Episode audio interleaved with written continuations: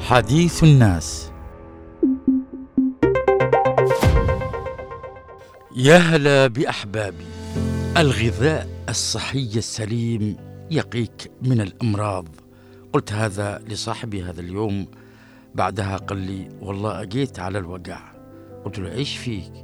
قال لي أنا اليوم تعبان جدا مغص وآلام في بطني. ورحت المستشفى طلع عندي تسمم غذائي. قلت له تسمم غذائي. قال لي نعم يا أخي. قلت طيب إيش نوع الأكل اللي أكلته اليوم في البيت؟ قال لي إيش؟ من بيت. يا أخي رحت المطعم ليلة أمس أتعشي. أكلت فاصوليا وخبز وجنبه شتني وبس. قلت له بس. كيف شكل المطعم؟ قال لي آه عن المطعم. حدث ولا حرج. شكله ما يشجعش. كيف ما يشجعش قال لي يا أخي شكله مخيف يعني مقرف. قلت له يعني وسخ. قال نعم وسخ. طيب ما دمت عارف إنه وسخ. إيش اللي خلاك تدخل تتعشي عنده؟ قال لي يا أخي الأكل عنده رخيص. قلت له ها كيف رخيص؟ هو طبعا يكذب آه، بقليل من الفلوس يكذب الناس وكثير من الأمراض يكذبها أيضا يعني إلى جانب ذلك. كان الأفضل يهتم بمطعمه بنظافة المطعم شكلا ومضمونا. قال لي إيه عادك لو تدري شكل العمال عنده تقول إلا كان كانوا يتمرغوا بالتراب. طيب ومعك وجه بالله تتكلم؟ أنا طبعا أقول له هذا الكلام. معك وجه تتكلم؟ أنت إنسان كبير وعاقل عارف إيش اللي يضرك وإيش ينفعك. وعلى كل هذه نصيحتي لك وللناس اللي مثلك إنهم يتجنبوا المطاعم الوسخة. يا إخواني عدن دي مدينة الحضارة والنظافة. يفترض أنه لا يسمح لأي كائن كان من أصحاب المطاعم أو الأفران أن يعبثوا بصحة الناس. الآن صاحبي هذا بالله عليكم إيش ذنبه؟ مسكين حالته حالة. والعالم الله إن كان قادر يوفر كل مستلزمات العلاج أم لا. إيش دول الناس بالله عليكم؟ ما يرحموش بس يفكروا كيف يكسبوا الأموال على حساب الآخرين.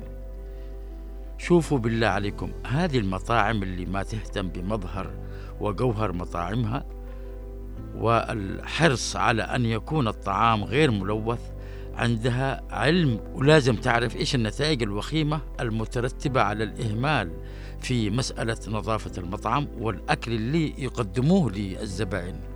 ولازم أيضا من تشديد الرقابة على كل المطاعم ودون استثناء. وننوه كمان أن هناك شروط للمطعم الصحي لازم يلتزم بها الجميع من أصحاب المطاعم. وعلى فكرة أيضا قد يلاقي الواحد مثلا المطعم أو الفرن بجوار مقلب أو مكب قمامة وتشتم رائحة نتنة جدا وهو ولا له حس ولا خبر. طبعا هذا صاحب المطعم قصده يجمع فلوس وطبعا هذا الوضع يؤدي إلى تسهيل انتقال الذباب والحشرات من هذه القمامة أو تلك إلى المطعم أو الفرن. بالطبع هذا الأمر يشكل خطر على الإنسان. والأمر والأدهى من ذلك بعض المطاعم أو الأفران التي تلاقيها في بعض الأزقة والحواري الخلفية وتتجمع حولها القاذورات والناس تدخل وتأكل بدون لا حسيب ولا رقيب. نلاحظ على فكرة معظم الناس اللي تمرض بالتسمم الغذائي أو مثلا بكتيريا تصيبها تسبب لها مشاكل كثيرة. عادوا من هذه الأماكن أو المطاعم التي في الأزقة أو خلف الشوارع الرئيسية. وبالطبع هذه المطاعم أكثر مخالفة للمعايير الصحية.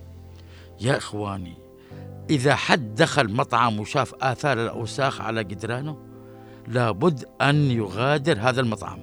فالكتاب من عنوانه كما يقول في المثل نلاحظ أن معظم مطاعم وأفران عدن مفتوحة الأبواب بل ويتم وضع طاولات لتناول الطعام في قارعة الطريق والذي يؤدي إلى إشراك إجباري لجميع حشرات وذباب وكلاب وقطط خاصة المخابيز على فكرة. تشوف القط يقفز إلى فوق الطاولة وعاده يصيح يجبرك على مشاركتك في الأكل. إيش هذا؟ ذا قدو جنان تخيل مخبازة فيها جمع من القطط أو البسس كما نقول نحن يأكلوا مع بني آدم. والله عجيب عجيب هذا الأمر. أما المطاعم اللي يفرشوا في الشارع عادها تسهل بشكل أكبر لتلوث الطعام.